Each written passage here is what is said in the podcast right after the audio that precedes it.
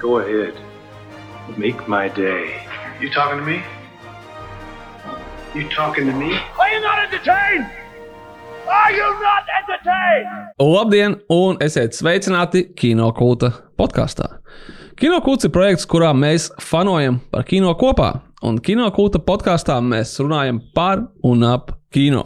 Kas notiek ar kino pasaulē, kas notiek ar kino Latvijā un kas notiek ar kino kino kultā. Tā kā mēs esam beidzot saņēmušies uh, ierakstīt jaunāko podkāstu, tad uh, to šoreiz vadīs kino kulta klasiskā komanda. Es esmu podkāstu vadītājs Sergejs Timoņins. Čau, čau. Podkāstu saprāta balss Līvas Pandega. Čau. Podkāstu tehniskais direktors un cilvēks, kurš man palīdzēs izanalizēt filmu Five Nights at Freddy's. Toms Celens. Sēlākais paldies iet ārā mūsu patroniem, kas pacieš mūsu podkāstu neregularitāti, kuru mēs, es domāju, vienmēr attaisnojam ar podkāstu saturu. Nu, ne, svarīgi. Tur es, Ne es, mums par to spriest. Nu, ne, es, es gribēju tur salīdzinājumu atrast, bet es sapratu, ka Viņš vienmēr var atcerēties to, ka, ja, ja tu pārāk noklausies podkāstu un ir tāds sajūta, ka bija pa īsu, un vienmēr aiziet atpakaļ un noklausīties vēlreiz Sergeja Renta par Expendables 4. Pendelus 4 nopelnīja visā pasaulē 17 miljonus dolāru un finišēs šo savu kino piedzīvojumu ar 100 miljonu dolāru mīnusu. Priekš studijas tā viņam arī vajag. Sorry, bet that is true. Ejam tālāk. Paldies mūsu patroniem un tie, kas mūs atbalsta. Patroniem mums ir arī būs īpašs pasākums drīz, vai pat divi. Nu, dzīvosim, dzīvosim, redzēsim. Mēs vienmēr visu kaut ko stāstām uz nākotni, lai jūs kļūtu par patroniem un tad uh, aizmirst par šiem solījumiem.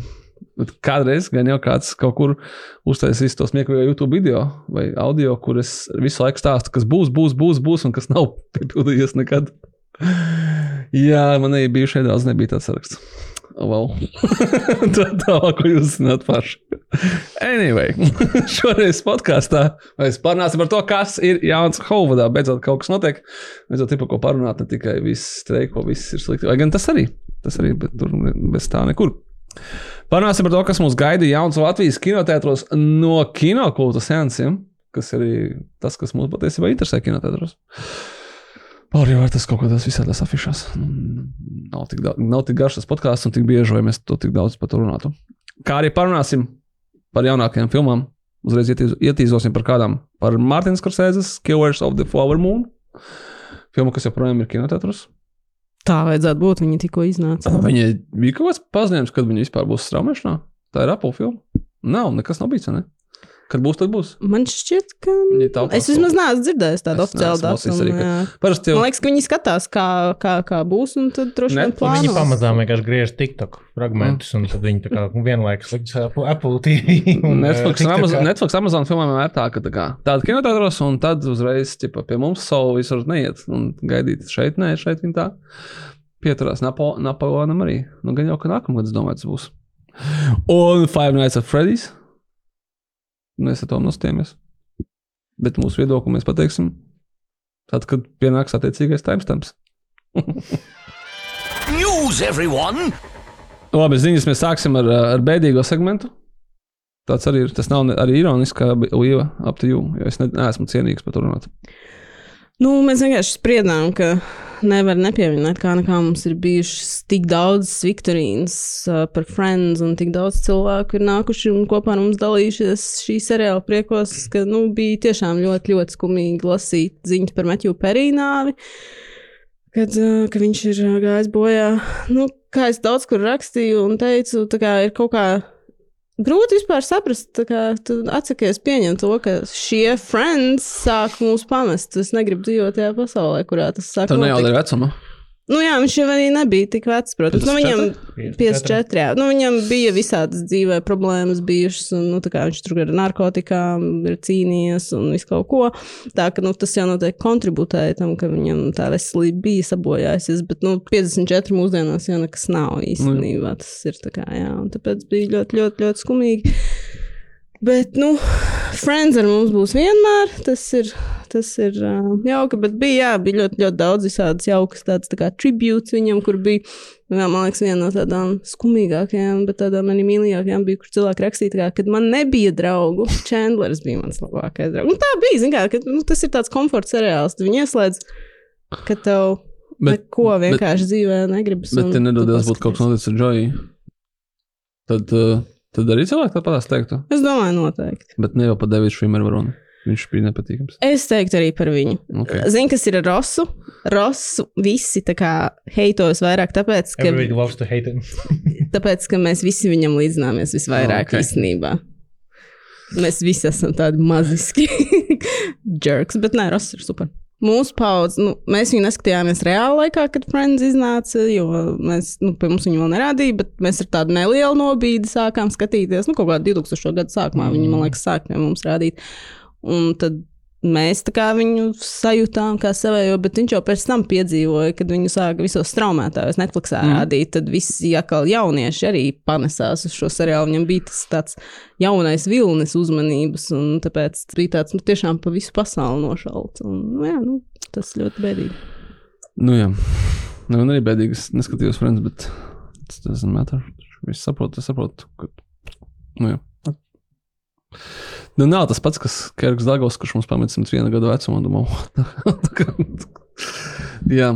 Nu, jā, labi. Um, es jau teicu, ka ko priecīgāku, bet diez vai par priecīgāku to, ka kopš mēs ierakstījām iepriekšējā podkāstā, ir pagājis tik daudz laika, kad uh, scenārists jau ir paspējis sarunāt savus stēlus. Bet tas ir priecīgi, tāpēc, ka viņiem izdevās, kā viņi paši ziņoja, ar ļoti labiem rezultātiem beigās visu panākt. Nu, viņi mocījās diezgan ilgi, stīvējās un tur spītējās, bet tās prasības, ko viņi uzstādīja, nu, nav tā, ka simtprocentīgi, bet nu, viņi ir paši ļoti apmierināti ar to rezultātu, ko viņi panāca. Gan tur attiecībā par tiem mākslīgā intelekta nosacījumiem, par ko tur ļoti daudz runāja, gan arī par to, cik tur, teiksim, jānodrošina darbs rakstniekiem ir pie seriāliem un tam līdzīgi. Nu, viņi tās prasības mm. diezgan panāca. Un tas rezultāts, tas, nu, kad paziņoja, ka viņi ir vienojušies un viss notiek, un kad apstiprināja to līgumu, bija tāds tiešām triumfāls. Tā ka tās ir priecīgas ziņas. Tāpēc tagad studijas atspēlēs uz aktieriem. Tā kā, ok, labi, režisori vajadzīgi, jā, scenāristi, tagad, ok, mēs tagad saprotam, ka, ka viņi ir vajadzīgi, vai mums ir jāsaprot, bet nē, tā kā aktieri, nē, nav, nav tie actors, tā kā ne, tikai ne viņi. Pagā, kas tur bija par kaut kādu, es, es pat neiedziļinājos, godīgi sakot, es vairs nesaprotu, kas, kas ir ar to, kur kulnīs bija un kādi citi cilvēki, kas gribēja kaut naudu ieguldīt. Atmaksāt citu cilvēku rēķinus? Viņi piedāvāja kā, kompensēt tās iemaksas tajā ģildē, es saprotu, tiem, kas varbūt pelna vairāk, viņi nodrošinātu noklāt tos, kas pelna mazāk. Un tad, nu, kaut kā tur Savu studiju viņi savu, vairāk ar savu piķi padalītos, lai, tā kā, nu, lai kaut kā tur tos procesus uzlabotu, bet viņi pateica, ka tas tur tā nestrādās. Nu, jā, ja tas, We don't need your tas, tas, tas īstenībā ir par otru pusi, tā kā, kad viņiem vajag tā kā, nu, vairāk dabūt naudas no tiem, kas viņam maksā. Nevis... Nē, man liekas, tā loģika varbūt tur nebija slikta, ka, nu, ka nav jau slikti, ka tie bagātie padalās ar to Jā. Savu sarausto. Jo, nu, vai tiešām ir viņiem tur jāpelnā 50 miljoni par filmu? Droši vien, ka nē. Nu, jā, ja, ja gatavi maksāt, tad kāpēc ne? Jā, bija arī kaut kāda. Nē, nu, jā, jā. kāda runa bija arī par to, ka tas, kurš ir top billing aktieris tajā filmā, ka viņš ir pēdējais, kurš saņem residuāls no filmas. Mm. Attiecīgi, nu, tā kā nav tā, ka, ja tu esi Dwayne Rock Johnsons, tad tu esi pirmais plakātā, lielākā galva plakātā, un tu arī saņem vislielāko, lielāko algu, un pēc tam arī vislielāko piķi no filmas ienākumiem. Tad, nu, ja tu saņem vislielāko piķi kā algu, tad pēc tam Mm. mm. pēdējais dabūji no filmas ienākumiem. Jā, paprasti, ko par to domā. Tā Ha- Harry Potter daļas, kā kur joprojām ir kaut kādos drausmīgos mīnusos. un citu filmu, kas uz papīra ir tā kā vispār ļoti slikti gāja. Mums tur nu, va- va- pašā filmā, kas nopelnījuši vairāk kā miljardu, tā kā tur ļoti slikti izdevumi ir vienkārši krietni pārsniedz. tā kā, jā. Bet savu lielākā daļa, nu, teiksim, The Rock filmu, viņš pats ir producents, kas nozīmē, ka viņa production kompānija viņu ražo, kas nozīmē, ka viņš nopelna filmu veidojot, un tad viņš nopelna filmu, ko viņš skatās. Vai ja ka neskatās, viņš arī nopelna. Jo viņš arī vienkārši smaida visu caur dienu. Viņš tā kā, protams, visi, visi dabūs, bet sorry, ka filma nav pelnoša. Viņš nesmaidīja, tad, kad viņš ieraudzīja to vaska figūru. To, to, to gaišo masku figūru. Viņam vajadzēja vispirms iedzert kādu savu tekilu. un, nu, jā. Es mēģināju apspriest, kas notiek ar The Rock. Viņš vienā brīdī, kas viņam tur bija tas fiasko ar to Black Adam, un tad uh, man šķiet, ka viņam bija tas. Viņš viņu atteicās atzīt kā fiasko. Tas Viņa acīs tas Jā, nav jā. fiasko. Man liekas, tas ir kāds otrs puses. Man šķiet, ka tas fiasko, uh, nu, ka tur toreiz bija tie daudzie raksti, ka viņš tur kaut ko esmu traucējis, un tad nebūs vairs Black Adam, un tad viņš tur kaut kā, nu, viņš apdirsās, būsim godīgi. Bet, uh, Vai tas nav tā, ka tas ir tikai tādu, tā kā mēs, tādu super kaut kādu fanu acīs, jo vai parastais cilvēks skatītājs vispār zina, viņš priekš viņu vienkārši nav sen bijis jauns filmas ar Rock? Un es domāju, viņam ir tā kā vienalga. Nu, viņu neinteresē roka finansiālā dzīve. Viņš, Nu, jā, jā, tas viņam ir jautājums, jaunu jā, filmu. vai es redzēšu jaunu Bet filmu. baigas sen nav bijis. Man šeit, salīdzināt ar iepriekšējo reizi, man šeit reizes pusgadā nāca ārā kaut kāda jauna filma. Nu, vismaz viņam tur vai nu Fast. Fast, Furious, Hobbs, jā, Fast X, tas cameo ir pēdējais, kas viņam ir šogad. Un viņam bija kaut kāda tā Santa Klausa filma ar Viņa- Amazonu, ar kuriem palika. Man liekas, ka tā būs vēl. Tiešām šogad? Pēc Es mēneša? Nezinu, vai šogad. Man bet liekas, ka viņai vajadzēja tā kā būt, Viņai kaut kāda promo bilde pat iznāca. jo, jo ir tā kā novembris jau. Edijs Mērfijs man šeit aizņēmis šogad Amazon Ziemassvētku filmu ar to. To, to nišu. Jo es apskatījos, viņam ir 10 vai 12 projekti, viņam DB in, in, tā kā development. Tur ir tādi Jungle Cruise 2 un kaut kas cits, kas nekad nenotiks, protams, obviously, bet, uh, bet tādas konkrētas filmas tur ir tikai tas viņa Fast and Furious spin-offs, par kuru nav īsti skaidrs, what's, what's going on, vai at all. Un, uh, un viss, kaut kā viņš vienkārši liekas, ka viņš tā baigi apklusa zinā brīdī, kā kam pateica, kā, ka tad jūs šitā ar mani, nu tad to jūs saņemsiet, there is not gonna be rock. Es nezinu, kāpēc, bet es noskatījos fragment, kur uh, Dvains bija pie Kevina Hārta tajā viņa nezinu, redzījumā, podkāstā, kā lai to nosauc. Un tad uh, Kevins, nu, viņš izstāsta amizanti tajā krēslā, sēžot, protams, tā kā, nu, kājas karājās gaisā apmēram un tā. Bet viņš tad uh, Dvainam prasīja, nu, kā, "Un kas notika ar tavu Black Adam filmu? Kā, man arī tīk patīk, nostājos baigi labā filmu, tā kā, nu, un kas ar viņu notika? Un tad uh, Dvains- super successful. Dvains teica, to, ka vienkārši nē, nē, nu, tā kā, nu, viss jau būtu bijis normāli, bet nu, ne, neveiksmīgs laiks bija. Un tur tieši mainījās vadība DC un vienkārši neveiksmīgā laikā. Jā, nu jā. So, Bet Kevin. Kevinam patika. un Kevinam patika. Viņš šūpoja kājas un priecīgs ir runāt par Biļets filmu. biļet nopirka? Nē, nē, nē. Vai es atceros, ka Roks bija filmā Free Guy? Nē. Nē, Bet viņš tur bija. ticu. IMDB pirmā bilde no, ar, ar Roku ir no filmas Free Guy. Vismaz tā, kas uzskata man. Anyway, es gribēju teikt, mums ir uh, pārvāksim ātri citu ziņu uz priekšu. Interesants, um, interesants uh, secinājums ir pēc šīs vasaras filmām ar to, ka atkal jau Hovuda mēģināja mūs uh, pārliecināt, ka ir uh, filmas, kurām ir divas daļas, un mēs noskatīsimies pirmo, un mums būs obligāti jāskatās otru, mēs nevarēsim sagaidīt, un kaut, kā, kaut kas tam neveiksmīgs laiks. Something, bet tā nebija. Uh, es runāju par divām filmām. Tā ir uh, neiespējama misija septiņi. Neiespējama misija septiņi, part Dead Reckoning, part one. Tā viņa pareizi saucās, jā, Mission Impossible, net bez septītnieka. Nu, labi. Par kuru bija divas ziņas. Viena ir skumjāka, viņa pārcēlās pa gadu uz priekšu. 25, Man, man ļoti skumji. uz 25. gadu. Un otrā ir, es nezinu, vai skumja vai nē, ka viņi vairs nesauksies Dead Reckoning pār divi, bet kaut kā citādāk. Bet viņi tad kā retroaktīvi iz, iztīrīs visu internetu un novāks to pirmo daļu. Vai tas jo tas tā kā to Edge of Tomorrow pārsauca par kā viņai nomainīja nosaukumu, kad viņi Uh, izlaida Live- Live, Live, Die, Die, Repeat. Repeat. Jā. Nu Jā, kaut kur pēc tam. Es nezinu, es domāju, ka, es domāju, ka viņi vienkārši nomainīs retroaktīvi straumēšanas servisos. Tas būs vienkārši Mission Impossible Dead Reckoning bez part viens. Kas varbūt vienkāršāks par šo. Domāju, vienu kadru, nu, diski kaut kādi izlaistie un tā tālāk. Tur cilvēks saka, nu, ne, nepārdodiet, būs kolektors item. Interesanti, jā, bet, um, bet tas bija diezgan man šeit nesagaidāms. Es nezinu, kāpēc viņi tā pēkšņi izdomāja, ka būs. Jo pat atcerēsimies uh, filmām, kuras bija pat salīdzinoši veiksmīgas. Un sastāvēja no divām daļām. Nu, tā kā, uh, un tās ir uh, Avengers Endgame un Avengers Infinity War. Tas ir Matrix, uh, Reloaded un Revolutions. Tur nav ne part viens, part divi. Mēs runājam pat par kaut kādiem toreiz karību jūras pirātiem, kas ir uh, Deadman's Chest un World's End. Tas nav tā kā divi un trīs. Un tās, kuras ir bijušas, ir bijis Twilight. Kas ir tā kā uh, pēdējā daļa nopelnīja mazāk nekā viņi gribēja. Ka kaut kādi tie Allegiant, Divergent, kurus neiznāca Tur vispār. vienkārši nu, viņiem viss nobeidzās. Un vienīgais, man šķiet, kas ir bijis veiksmīgs, ir Harijs Harijs Poters. Poters, jā. Bet nu, man liekas, Harijs Poters ir vienīgais, kas tā var darīt, jo viņam tā bāze ir tik milzīga, kas atnāks, jo viņi zina, ko viņi Jā. Gribēs redzēt. Vai arī, nu, Twilight, okay, varbūt tā otrā daļa nopelnīja mazāk, bet nu, gana daudz, lai tas neizskatītos neveiksmīgi. Jo viņi paļaujas uz to, ka vienkārši tie skatītāji nāks, tāpēc, ka viņi zina, kas tas ir šajā gadījumā. Es nezinu, kas es būs arī- otrajā Mission Impossible, un es nevaru būt pārliecināta, vai es teiksim, sapratīšu, ka es varu skatīties otro daļu. Es Ka neesmu viņš būs reāli pēc diviem Nu, Tas gadiem? ļoti dīvaini liekas, ka viņi to tiešām nosauc Un- par part one, part Nē, two. nu, es domāju, ka viņi būtu bijis tiešām to gada starpību, kas jau ir diezgan daudz. Un varbūt, ka sākumā viņi bija domājuši, es neatceros, tā filmai tik ilgi, bet tā, tas produkcijas dēļ, tā Covid toreiz uh, atcerēsimies arī to, ka, kā viņi paši saka, tad divas trešdaļas no astotās filmas, kuru mēs tagad nezinām, kā sauksies, ir jau nofilmētas. Bet es arī ieteiktu to tā kā uztvert ar grain of salt, tāpēc, ka mēs zinām, kā Makvorijas un Krūzes filmē, viņi tagad atsāks filmēšanu, eventuāli, kad varēs atsākt, un viņi tikpat vēl var pārfilmēt visu no jaunas, un ar šo jauno informāciju, ka tā vairs nav otrā daļa, viņi kaut ko, nu, nu redzēs, kā viņam tur būs, tāpēc, kad arī šai daļai budžets bija šausmīgi izaudzis dēļ tieši šīs filmēšanas dēļ Covid, un dēļ tā, ka viņi visu laiku filmē, filmē, filmē un skatās, kas tur būs jauns un filmē un, un maina.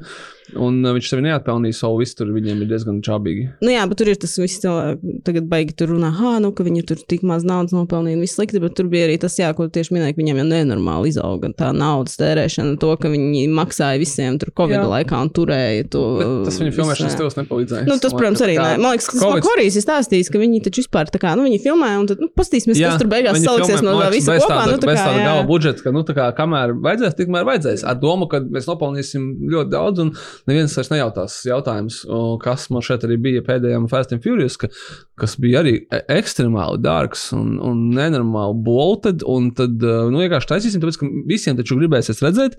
Un tad tā ir filma 10, 1, X1, nākamā būs tā kā X2. Vai kā, hell, tā kā, es nezinu, bet nav tā, ka cilvēki baigi rāvās uz šo skatīties, nopelnīja kaut ko, bet tas nebija tas, ko viņi gaidīja. So, nu jā par divdaļīgajām filmām runājot, nākamgad Kevinam Kostneram iznāk tas viņa kaut kāds megaprojekts. Horizon, Horizon an American Saga. Jā, es biju zinājis par tām pirmajām divām, viņam, bet viņam iznāk ar kaut kādu nu, mēnešu starpību, tā pirmā daļa un otrā, nu vai kaut kāda pāris div, mēneši. Jā, nu, kaut kas, bet, nu, salīdzinot, tas nebija gads jā. noteikti. Uh, un es tagad skatos, jā, ka ir arī trešā un ceturtā daļa. Bet, nu, domā, tā, kur jau citās kā Marlboro Cowboys the movie? nu, viņam, man liekas, tas ne, zikā, bet man liekas, ka tas īstenībā nav slikti, jo viņš kā, nu, viņš bija tajā ielaustā Yellowstone. Viņš bija visos tajos uh, Sheridan projektos. Tas bija hospitāls, ka tagad. Viņš ir visi tie cilvēki, kas viņu skat, viņš skatās Iespējams, nenormāli jā. daudz. Viņi, man liekas, arī nāk skatīties šito, jo tas tā kā Kevins Kostners, Cowboys apgājis. Es, domā, es, domāju, es domāju, ka tur varētu īstenībā nostāties, ka tas ir tik ļoti oldschoolīgs westerns. Nu, Kevins Kostners ir oldschoolīgs cilvēks, viņam ir bijuši idejas ar vilkiem,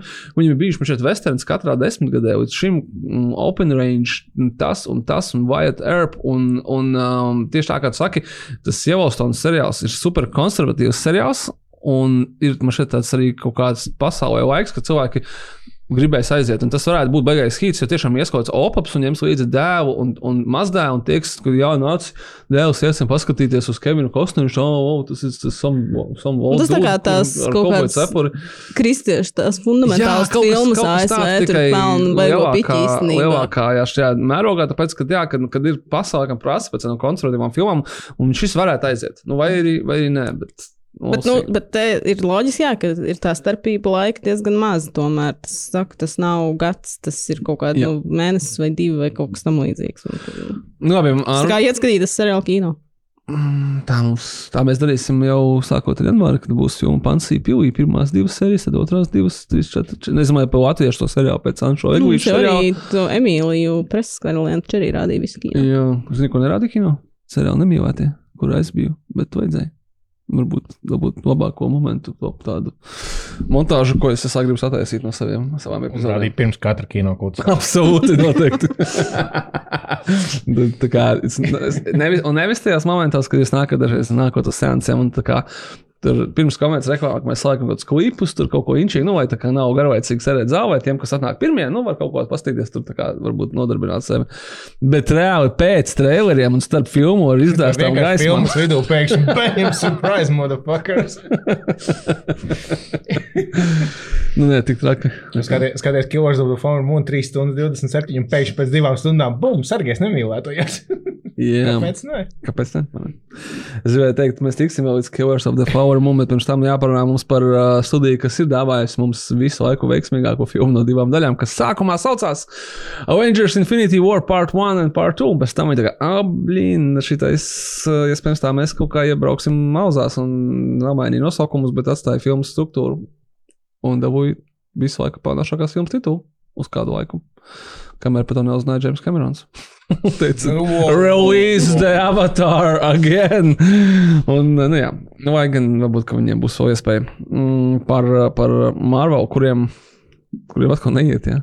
Es, Viss ko, ā, šo, slikti. mēs rakstam, rakstam šo podkāstu, un man visu dienu stāv vaļā jauns ā, pārvāku programmas tabs ar to variety rakstu, kurā tad ir tas viss slikti, un es neesmu viņu izlasījis, tāpēc, ka tas ir tā kā testaments tam, ka to, ko jūs, kas mums klausās, mums, mums sakāt, ka, oh, es, es, pat neiešu skatīties, es pagaidīšu Disneja pusē, es pat vairs neinteresējos, es metu mieru, es atslēdzos no Marvel Atola, un es tā kā pat neesmu izlasījis to rakstu, bet es esmu izlasījis kopsavilkumu kaut kādā formā, ar ko tur bija. Es viņu izlasīšu, tas ir ļoti interesanti, bet, bet tas, laikam, arī apliecina to, ka es neat- neatradu visu dienu laiku to izdarīt. Sergejam ir tik ļoti superhero patīk, ka viņš pat ar rakstus nespēja izlasīt. Ja tu saproti, ka tur ir visādi interesanti momenti, kurus es jau zinu, kas tur anyway ir. Bet, zini, bet tie momenti ir jau arī tādi, par ko mēs paši arī daudz esam runājuši. Tieši tā, par biju noguris jau par to lasīt. jā, par to pārlieko saturu pārbagātību, ko viņi ir radījuši ar tiem seriāliem, ka tur ir vienkārši pārāk daudz, ka viņi paši netiek galā vairs, un ka viņi nezina arī, kā īsti tikt ar to galā. Viņi ir sevi ierakuši visādās bedrēs, teiksim, ar to pašu kangu, kur pirmkārt nu, neaizgāja Ant-Man, kas ā, finansiālā ziņā nu, nebija ļoti veiksmīgs, un arī nebija tā, ka cilvēki bija sajūsmā. Provoju, ka viņi gaidīja no viņa, ka viņš būs Un- kaut kāds super veiksmīgs. Nu, zināmā, tas bija tas pirmais. Man liekas, ka viņi domā, ne, nu, pieņemu, ka viņi domā, ka viņš būs veiksmīgāks. Noteikti, bet nu, tagad viņiem vēl ir viss tās klapats ar būt. Jonathan Majorsu, uz kuru viņi bija likuši nenormāli liels cerības, jo tas šīs mm, visas daļas kulminācija bija domāta tā mega cīņa ar Kangu. Es jau esmu skatu filmu sauns, es jau esmu atslēgus. Family? Kang Dynasty, like Kang Family. And Kangaroos. Uh, un tas viņiem ir slikti. Viņiem tur tagad runā par Marvels, uh, kas iznāk nākamnedēļ, kad mēs tagad rakstām. es visi esmu nopirkuši biļetes, bet mēs zinām, ka jūs neesat. kā mēs to zinām, bet vienkārši apskatījām visas pārdoto biļetes. tur pirmkārt finansiāli neizstāsta baigi labi, bet teiksim, es arī saprotu, kāpēc cilvēki varbūt nepērk. Es neesmu redzējis tos seriālus, un šajā gadījumā man liekas, man ir jābūt redzējušai divus konkrēti šo seriālus. Gan. WandaVision. WandaVision, gan Miss Marvel. Nu, man division varbūt vēl tā. Man divisionā ir tāds, nu, Nē, tur ir tā Monika Rambo, jā. viņa tur Ram- tur- Rambo kind of double and space. Okay. So, Bet nu, ne, es, es nedomāju, ka es nesapratīšu, kas notiek. Es Bet, uh, bet jā, un tad viņi tur vēl par to režisoru tagad runā, ka viņa tie ir strādā pie cita projekta, tikmēr, kas, protams, ir pasniegts tā, ka how dare she, bet, nu, ļoti daudz tā ir darījuši. Tas nav nekāds tur šoks. Bet, nu, tas viss, tas diskurss ir tāds ļoti Bet zini, kā par to fatīgu? bēdīgs. Par to fatīgu.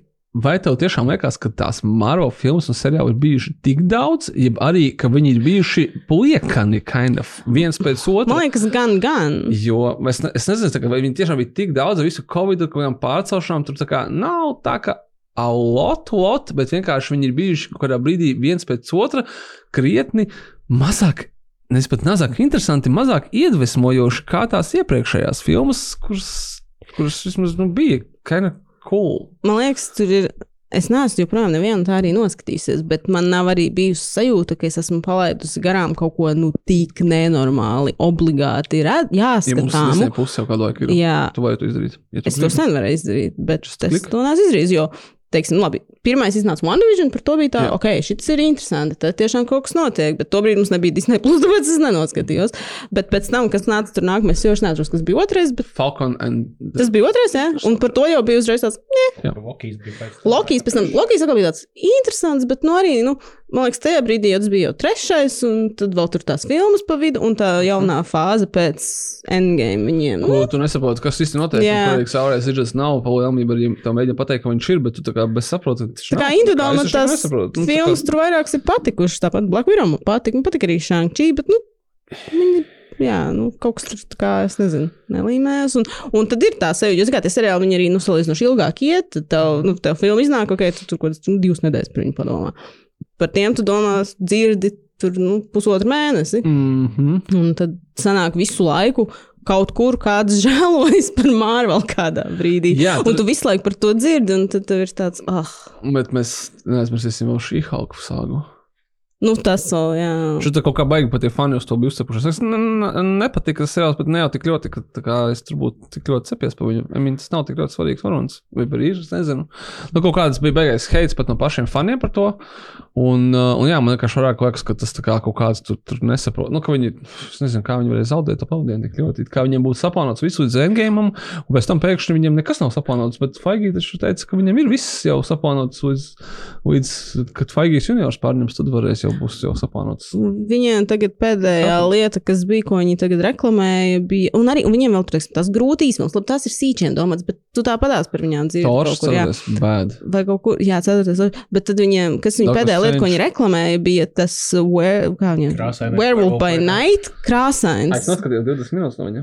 Bet tā kā- Latvijas Banka beidzot krāsas visādas. Nu, Bet vienkārši, nu, izlaid viņu, bet, nu, tā kā, nepavadīja laiku sitot pa televizoru vai krāsu parādīt. nu, tā kā tas vienkārši visu laiku, ja tev kaut kas kaut kur, liekas, ausīs zum un dun, tad tev viņu nogurst no tā trokšņa. Tu viņu sāc ignorēt. Bet viņš nav tāds pozitīvs. Nu, viņš nav pozitīvs. Nu, tas ir tas, kas viņš nav pozitīvs. Viņš saka kaut kas, kas nepatīk, bet tam, cik ļoti tie, liekas, cik ļoti pa, tie paši cilvēki, kas kā beig fanoja, tik ļoti ātri pavērsās pret, tā kā trakāk par Star Wars faniem. Vai arī, nu, labi, tur to nav nekas trakāks. Es ņemot Snyderverse fanus, bet, uh, bet nav, ka man liekas, tas baigi, baigi kā turnarounds, kā tie paši cilvēki, teica, ka, wow, jā, mēs iesim uz visu tagad, nā, nu, cik tu vari. Bet, jā, bet kaut kāsiem tas ļoti, es, es, man, man grūti atbildēt, arī varbūt nelasot šo rakstu, kāpēc. Viņi gan teica, ka, jā, nu, piemēram, tur viņiem Pantēra, Tors 4 un Dr. Strange, un viņi filmēja vienlaikus, nezināja, kur iznāks pirmā, tāpēc nevarēs saplānot to kaut kādu chronoloģiju. Bet tiešām ir tik grūti. Es nezinu, faniem vienīgais, ko vajag, viņiem vajag, vajag kameo no kaut kādiem citiem varoņiem. Vat Atcerēsimies, ko visi atcerās no Dr. Strange. Man liekas, tā filma jau vairāk, kas par viņu domāja, jau mazāk man viņa patīk. Un es domāju, viņa bija sasteigta un ar to Skota Deriksona atlaišanu. Bet visi atcerās to Fantastic Four kameo ainu. Nu, vajadzēs abās tādas ainas citur un viss, un būtu glābti jūs tie projekti. Nu. Par Fantastic Four ir tas, ka tā viņiem tā Jonathan Majors problēma dēļ viņi tā kā. Es lasīju, apsveru domu, ka varētu kā, nu, bīdīties uz citu ļaundaru. Jā, Un kad nu, tas obvious choice ir doktors Dūms.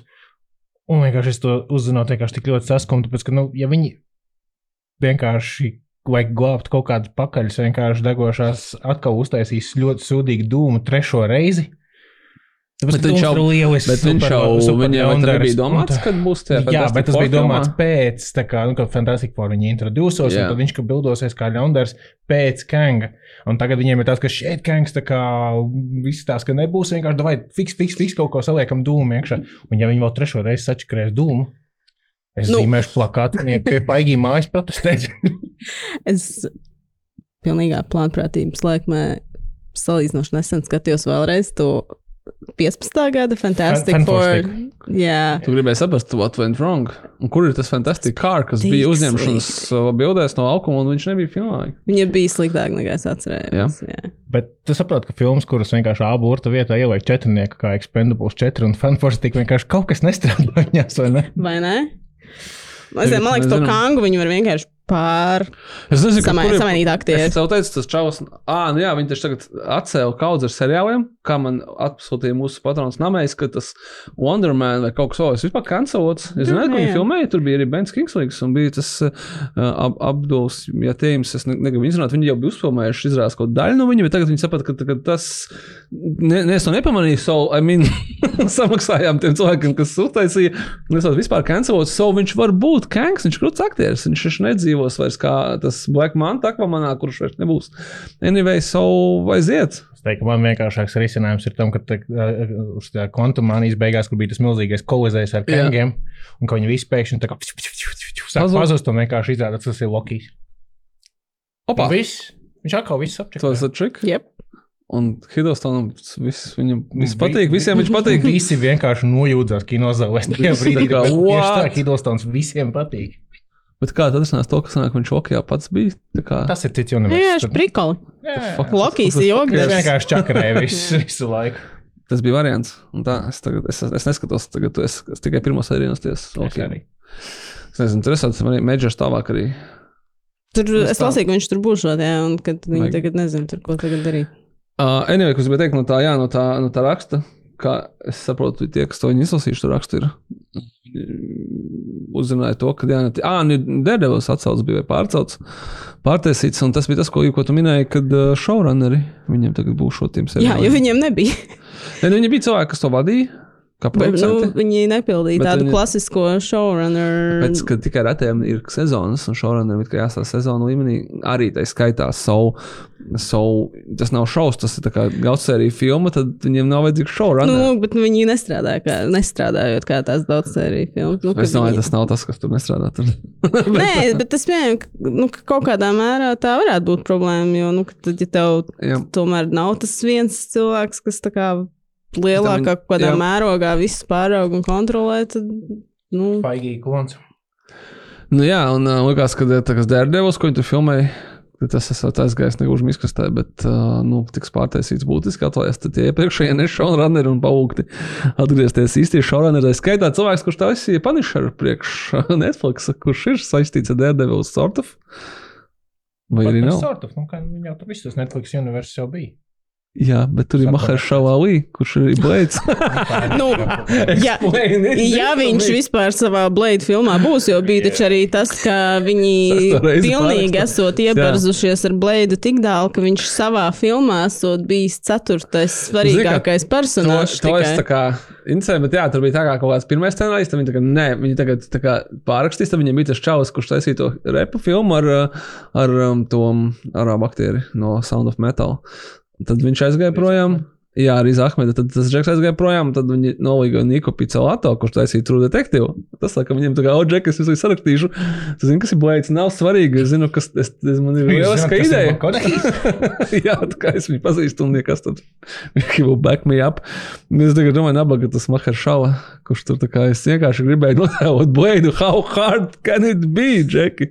Un kā viņi taču viņu toreiz komikonā prezentēja, visi priecājās, aplaudēja. Un vēl visi uzvilka kepons ar to Blade logo. Nu, pasties, kā viss plēnā. Man šķiet, ka tā ir tāda filma, kur nu, tā grūti saprast, kur ir tā problēma. Bet varbūt tā problēma ir tieši tāda pati, ka nu, tā tev vajag savilkt visu kopā, un, un tu tā kā vajag, un tu nevari uztaisīt vienkārši blēda filmu, bet tev vajag, lai viņš konektējās ar to un to un to. Bet no tām piecām lietām, ar kurām vajag konektēties, trīs nav izdomātas. So, oh, let's, let's try it. Un, Iedomājieties, kā būtu Maheršovam. Viņš sēž mājās un kā. Kas man lika parakstīt līgumu? Viņš pats, Viņš pats Viņš uzprasījās. pats uzprasījās, taču, jā. Nu, bet Tagad- varēja vienkārši sēdēt, un skatīties vai neskatīties. Whatever, tā kā. Vai varēja nobinēt Disney plus un skatīties, kā kāds cits tēls. Nu, jā. nu, lūk, un, un, un vēl viena no idejām, kas ir, ko es sen jau biju teicis, ka, ka tā, manuprāt, būs. Un varbūt, ka tu vari atrast kādos citos podkā- podkāstos. Esmu šeit, esmu to teicis. Ka viņi noteikti atgriezīsies atpakaļ vecos Avengers ar laika mašīnu. Vai, nu, tā kā, kad, kad, kad, tā kā visi strīķi puisīs, tad būs zvans Daunijam. un Tā kā, jā, vadīgi, what's up? How you doing? Un, ā, un tagad tā ideja tiek arī apsvērta. Es nedomāju, ka tas notiks tik ātri. Vai gan Avengers Endgame ir 19. gada filma, nu, uz 29. gadu iespējams viņi saņemsies. Būs tāds. Vai ātrāk? Aigars pateiks, Džeki, ātrāk, vajag nevar gaidīt 29. gadu. Tad jau nebūs vairs ko, ko Gaidīt. gaidīt. Katru gadu prasa pa vienu miljonu vairāk. Vienkārši. vienam, jā, I don't think so. tā kā. We, we have no time. Es domāju, ka viņi varētu pamēģināt tā, ka viņi nu, pierunās teiksim, vienu Dauniju un iemetīs kaut kādu no sērijas, tā kā Niks Furijas parādījās pirmā Ironman beigās, un Jā. viņi pastīsies, kas notiks. Cilvēks saka, prātā. Jā, un tad. Tad uz tā balstoties, pārējos aktierus. pārējos arī mēģināt. Jo es teiktu, nu, man liekas, es, nezinu, kas bija pēdējais, ko Hemsvorts teica. Man liekas, viņš bija arī ir saguris no tā tora. Man liekas, viņš tur grib atkal kaut ko citu. Jo bija tas, ka viņš gribēja kaut ko citu, un tad uztaisīja Ragnarok ar. Waititi, un tad viņš kopš tās filmas un and Thunder ir jau noguris no šīs versijas, pa Ok. vidu vēl ar Avengers. Tagad, man liekas, viņš atkal bija kaut kādu citu virzienu tur grib, un es nezinu, viņš vispār vairs pat grib. Man liekas, viņš tur jā. viņš Bet tas tagad- būs tāds beigais fanservis kaut kāds, ka tā kā nodosim viņiem, ko viņi grib, bet vai tas kā arī bija plānots? Es arī nezinu, cik daudz viņam jāsmaksā būs Kristam Evansam, piemēram, par Captain America, jo viņam, man liekas, arī tas bija līdz ūkai vienkārši. Mm. Nu, Nu, redzēsim. tur vajadzēs daudz naudas, tāpēc, man liekas, viņiem vajadzēs vispirms tādu, nu, tādu, tādu eksperimentiņu, un tad Bet ja viņi neviens baigi nevar sūdzēties, peldoties tajā Marvel naudā, bet nu, tajā pašā laikā nu, pilnībā saprot to, ka viņiem pēc visiem tiem gadiem tā kā, nu, ir. Nu, ka, nu, gribās kaut ko citu tomēr. Nu, jā. Labi. Mums nav daudz laika. Mums ir jāizzina svarīgas lietas par to, ka, pirmkārt, filmai It Follows ir anuncēts sīkos no, kas saucās They Follow, no Davida Roberta Mičela, kuram palēm nekāda beigu filma nav bijis, izņemot Under the Silver Lake, kas pie Latvijā pat netika izrādīta. Un es saprotu, ka viņš ir saprotis, ka, nu, well, tad jādara kaut kas tāds, ko Es nezinu, vai viņš arī bija tas cilvēks, kurš gribēja taisīt sīkolu šai filmai. Bet tas tāds uh, nebūs forši, bet no otras puses liekas, ka kā, mm, maybe tam ir citi iemesli, kāpēc tas tā ir. Bet, lai būtu, es atklāju briesmīgo, briesmīgāko lietu, ko es varu pateikt. Man nav tā, ka baigi patīk, ir false. Vai man patika, bet tas nebija tāds fans. Bet man Okay. vajadzēja izlikties toreiz, kad man patīk. Satam patīk vairāk noteikti. Es, kā, es, es vienkārši neesmu sapratis, what's the deal, ka viņi kā, nu, kaut kāda viņa tāda atsvešināta priekš manis. Bet varbūt tu tā kā māja ir galva. kā Nē, es- es tev piekrītu. Tu izlaiks, ka es- mēs visi, mēs, mēs bijām tajā stāstā, mums vajadzēja. Un tā bija filma, ko mēs Nē, viņa bija laba, bet es nebiju tādā šausmīgā stāvā sajūsmā. Ok. Uh, Star Wars The New Jedi Order, starring Daisy Ridley, shooting in August 2024. Sāi. Tas, mm, Es ticēšu, tad, kad es to redzēšu. Tas ir viss, ko es varu pateikt par nu, labi. šo tēmu. Man liekas, ka tā kā, tas arī runājot par kaut kādām Disneja Marvel sagām, ir ļoti līdzīgs. Bēdu stāsts ne, ne, ne šim podkāstam. Divas ļoti gaidītas triloģijas, nosauksim to tā. Mēs nekad nedomājām, ka kāda no šīm filmām vispār būs triloģija. Pirmkārt, ir uh, paziņota otrā un reiz arī trešā daļa. Nu, pēc cik mums šodien viss podkāsts ir par to, kā cilvēki filmē otro un trešo daļu kopā, un pēc tam viņi tagad, ah, gadsimta, kāpēc mēs tā darījām, un kurš ielika ciparu četri, jā, burta vietā. Tas ir sliktāk, kas tur notika ar visiem tiem, kas filmējās filmā Exorcists, nu, kur kaut kāds lāsts bija uzlikts tajā filmai. Pats galvenais lāsts šobrīd redzams ir kinoteātros, cik es saprotu. Tā mēs tā kā zaudējām, laikam, daļēji arī šo te. Fritkina kungu. Nu, es domāju par jaunu. Sorry, tas bija melni, bet viņš, bet viņš visu cieņu Fritkinam, viņš novērtēja šo joku. Jo viņš pirms tam ne- nejauki pirms nāves teica, ka viņš nekad neskatīsies jaunu eksorcistu. Un, un ja viņš noskatīsies, Viņš ļoti viņi negribēja skatīties. Jā, kad, kad viņš, viņš nomirs un spokosies Davidam Gordonam Grīnam un nekad nelikt viņam mierā, tā kā no viņa saules. Un praktiski tieši tas arī notika. Tā kā nākamais solis ir jautāt Davidam Gordonam Grīnam, kā viņam labs miegs vai, vai kas notiek. Bet jā, bet bija par, par, par šo filmu un par Omenu bija kaut kāds tas pilsētu aģents. Ka tur kā visi ir novādēti, tajā filmā visiem bija slikti. Pēc tam, kad mēs tagad izaugām lielāki un vairs nelasām kaut kādas apšaubāmas uh, kino grāmatas, bet mums vienkārši ir iespēja pārbaudīt faktus, izrādījās, tas viss bija izdomāts. So. Nav nekāda lāsta, vienkārši tas ir vienkārši kino un tā. Anyway, es gribēju runāt par to, kad es skatījos filmu The Fall, jeb kritiens, kas bija par to torni, kur cilvēki kā ne, neskatījies. jā, to filmu. Es nosījos traileri un man jau Paldies, tā kā bija sirds Viņa klaus. The Fall stājot ar The Walk. Kur Džozefs Gordons Levitt gāja pār to. Ah, bet tur arī tas, tas nu tā beigās, Traki kur bija, viņš es gāja. 3D, tur viņa bija- tur viņš bija diezgan tā, ka šķebinoši, Jā. es teikšu, kā ir. Bet, jā, šeit Tas pieņem to filmu nesaukt The Fall. Tas nebūtu īsti adekvāti. Jā, viņš nenokrita. Uh, bet uh, es neesmu redzējis filmu Fall. Nu, Es- reāli bail viņu nokrita skatīties. bet tā ir viena no filmām, kuru es, tie, kas ir redzējuši, es atklāšu noslēpumu, viņi tika filmēti pilnīgi paviljonā. Viņi uz tiem, uz tiem Star Wars ekrāniem, uh, respektīvi, tas nav tā, ka viņi ir īst- īstajā turnī kāpās. Ne, viņi nebūvēja turnī, viņi bija tajā inovatīvajā screen, whatever, tehnoloģijas, tagad neatceros, kas ir priekš Mandaloriana. Nu, ne, nu, viņi nebija izbūvēti priekš Mandaloriana, bet palēm viņi, kas, kas viņu padarīja slavenu. So, viņi maksā ļoti, ļoti maz naudas, viņi filmēja viņu iekštelpās Covid laikā, un, un izrādās, ka uh, baigi labi aizgāja. Tagad taisīs divus, uh, divus turpinājumus. Pēc tam taisīs tas pats režisors, kurš filmēs pirmo un trešo, otro dos kādam citam. Es personīgi ceru, ka es, sagai, es gribu sagaidīt visas trīs daļas. Es ceru, ka tas tornis ir kā, vai nu viņš ir dzīves, vai tā ir metāfora, tur jābūt kaut kādam cauriem sižetam, vai tur ir mafija, vai citplanētieši, vai kaut kādam. Nu, tā kā, kad, kad, zin, kā tu sāc būvēt kaut kādu to franšīzi, kad tu kā izdomā, ka īstenībā tas viss bija saplānots. Tā, es biju cerējis, ka tā pirmā daļa, ot, Līva, kā tev, kaut kas to filmu neskatījās, un es domāju, ka to viņi neplāno kāpt kādā turnī, nu, ka viņi kalpos kā tāds sociālais Ko tu projekts. Sociālais projekts nekāp torņos, bet man liekas, ka, ja, ja kaut kas tad tikai pretēji. Bet tur tā kā tas otrais un trešais stāsts būs par to pašu torni. I don't know. Jo es nemaz nebiju iedomājies tādu opciju. Es biju iedomājies, ka otrā filma būs nu, ka krīt no kādas citas vietas, nu, no Varbūt, ka viņi kalna, tur teiksim, vai no aizmirst, Queens, jākāp vai- atpakaļ, tā kā, un tu nekad negribi Vai darīt. no kāda cita torņa šoreiz kritīs. Viņiem Jā. kaut kad droši vien būs, nezinu, varbūt tā kā kaut kāds kolēba ar to burģu kalifu. ka Tagad... Tornis tikai metāfora īstenībā. Vai tā kā trešā daļa viņi kaut kur kritīs aizā, tas ir tornis uz leju. Nu, nē, tāpēc es. Jā, Tik daudz Es domāju, ka būs ceturtā daļa, un abortu vietā būs četrnieks. Jā, ļoti daudz mēs uzzināsim ļoti drīz, tāpēc, ka viņi filmēs abas laikam kopā, un tā kā tās ir nosacīti neatkarīgās filmas. Es domāju, tas tā kā būs krietni ātrāk nekā nākamais triloģijas noslēdzējs uh, Sikārio 3, filma, par ko runā jau ļoti ilgu laiku. Mēs arī negaidījām, ka būs? Sikārio 2. Nu, tāpēc, ka mums, Tāpēc, ka man liekas, ka Sikārio 2 bija tik slikts, ka tas nogalināja jebkādu vajadzību. Viņi gribēja jau tā, viņi taču attaisīja tās kastītes, kur jau ir trīs diskus iekšā.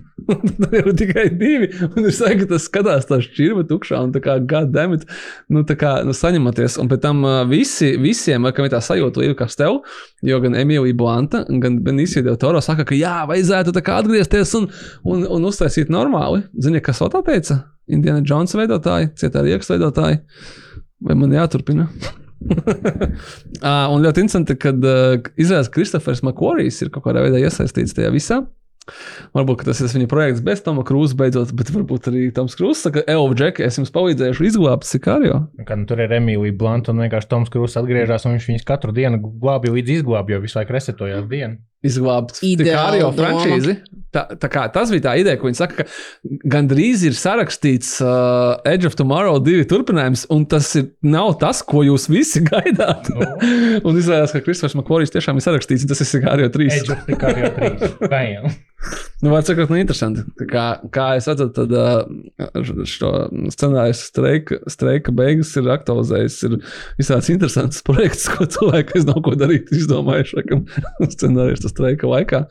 Ar nepacietību gaidām Sikārio 3, Edge of Tomorrow 2. Cool. Oh, I'm sorry. Did I break your concentration? Reklāmas pauze, jeb mūsu mīļākā sadaļa plakāts. Es jokoju par to, ka mīļākā. Es ceru, ka tā ir jūsu mīļākā sadaļa, kurā mēs uh, pastāstām, kas jauns uh, kinokultā un kas jauns kinokultūras seansos.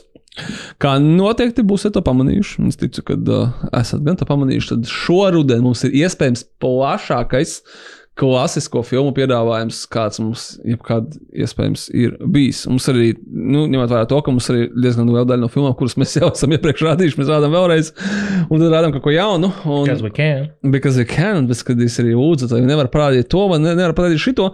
Un šodien atbild ir, jā, kāpēc gan ne? Kāpēc gan mēs neparādītu? Un uh, sākot ar uh, visu iemīļoto filmu Interstellar, tā ir numur viens filmu latviešiem no Es Kristofera tieši gribēju Nolana. teikt, vienkārši tāds, ka nu, jūs 12 reizes, 12 seanses jūs nokavējat ar Interstellar. Jūs varat vēlreiz parādīt? Jā. Jā, mēs varam. Mums var nevis vienu, bet divas, ieliekam, trīs reizes. Uz Interstellar vienu sēnesi nāk vairāk cilvēku kā uz, Indiana Jones 5 un The Flash kino kulta pirmizrādēm kopā. Tāpēc uh, Interstellar uh, jūs gaidīs uh, vēl tik, cik, cik, cik skatīsieties. Un kāpēc? Nu, es domāju, ka laba, labas filmas jābūt vienkārši šo var noskatīties.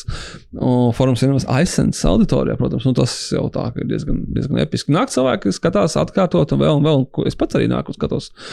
Kāpēc gan ne? Uh, un līdzās, līdzās tam mēs, teiksim, rādām visādas obscu- obscure filmas, piemēram, mums būs tagad beidzot, uh, jau ir pārdošanā biļetes Džona Carpentera, nevis The Thing. The Thing jau arī ir pārdošanā un būs vēl viens seans, bet, piemēram, In the Mouth of Madness.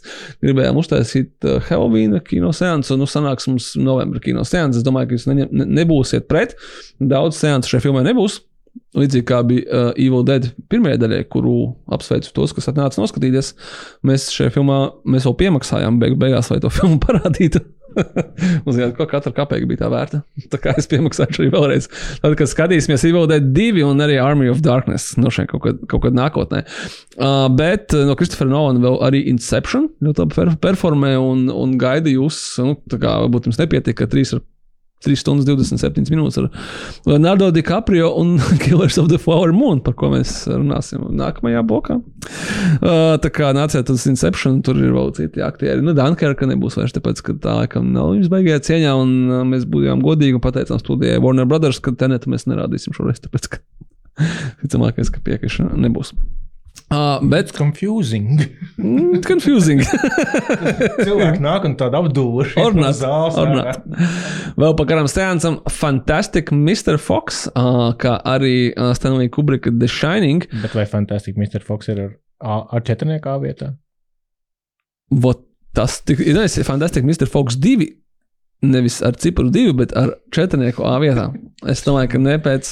Vai cilvēki būtu vairāk apjukuši kā pēc tenet? Ne pēc Expendables. Uh, mēs varam darīt tā, ka mēs skatāmies, ka, hei, iznāk jaunā Davida Finčera filma The Killer. Tikai Netflixā pie mums kinotētos nebūs. Tā vajās kā pavajām jebkuru Netflix filmu. Apskatām, pārskatāmā nākotnē. Es, tībā, es varu atklāt, ka mēs bijām sazinājušies vienā WhatsApp chatā ar cilvēku, kurš strādā Netflixā Polijā. That's true story. Un, uh, es nevis, ne, nebiju patieši ar viņu, bet mani ieaicināja ar viņu kopā kopīgā sarakstā, un pēc tam no viņas izņēma ārā. arī tam ir arī šis cilvēks. Pirms pajautāja, vai mums ir Netflix uh, pārstāvniecība oficiālā. Un es teicu, ka nē, mums nav. Izņemot nu, tikai to, ka mēs maksājam viņiem naudu, un kā, tie maksājumi iziet cauri katru mēnesi, un mēs kā, samaksājam abonementu. Un viņš teica, ka nekamēr nav pārstāvniecības kā birojas, tikmēr ne, nu, kinotētros vienkārši kā, tas nestrādā. Nu, nebūs. Dodēt, vēl nav pārstāvniecība, bet what is your offer? tā, kā, tā kā vismaz mēs dabūjām atbildi uz šo jautājumu. Uh, bet tāds bija par Davidu Finčeru un par to, ka, uh, ja jau ir uh, jauna filma, tad jāparāda arī vēlreiz cīņas klubs. Un mēs ieliekam cīņas klubu, un 50 biļetes aizgāja pat bez pirmā posta par to, ka būs cīņas klubs. Tāpēc, uh, ka daudz cilvēku saprot, ka you do not talk about Fight Club. Just refresh forum cinemas website. un pareizi dara divas sēnes novembrī, bet varbūt, kad ieliksim vēl, ja būs ļoti daudz ko skatīties. Uh, Kvietīs Tarantino un Roberts Rodrīgs no krēslas līdz rītausmai atgriežas gan Halloween seansos, gan arī nu, Halloween seansos, ar to domājot visu tumšo sezonu.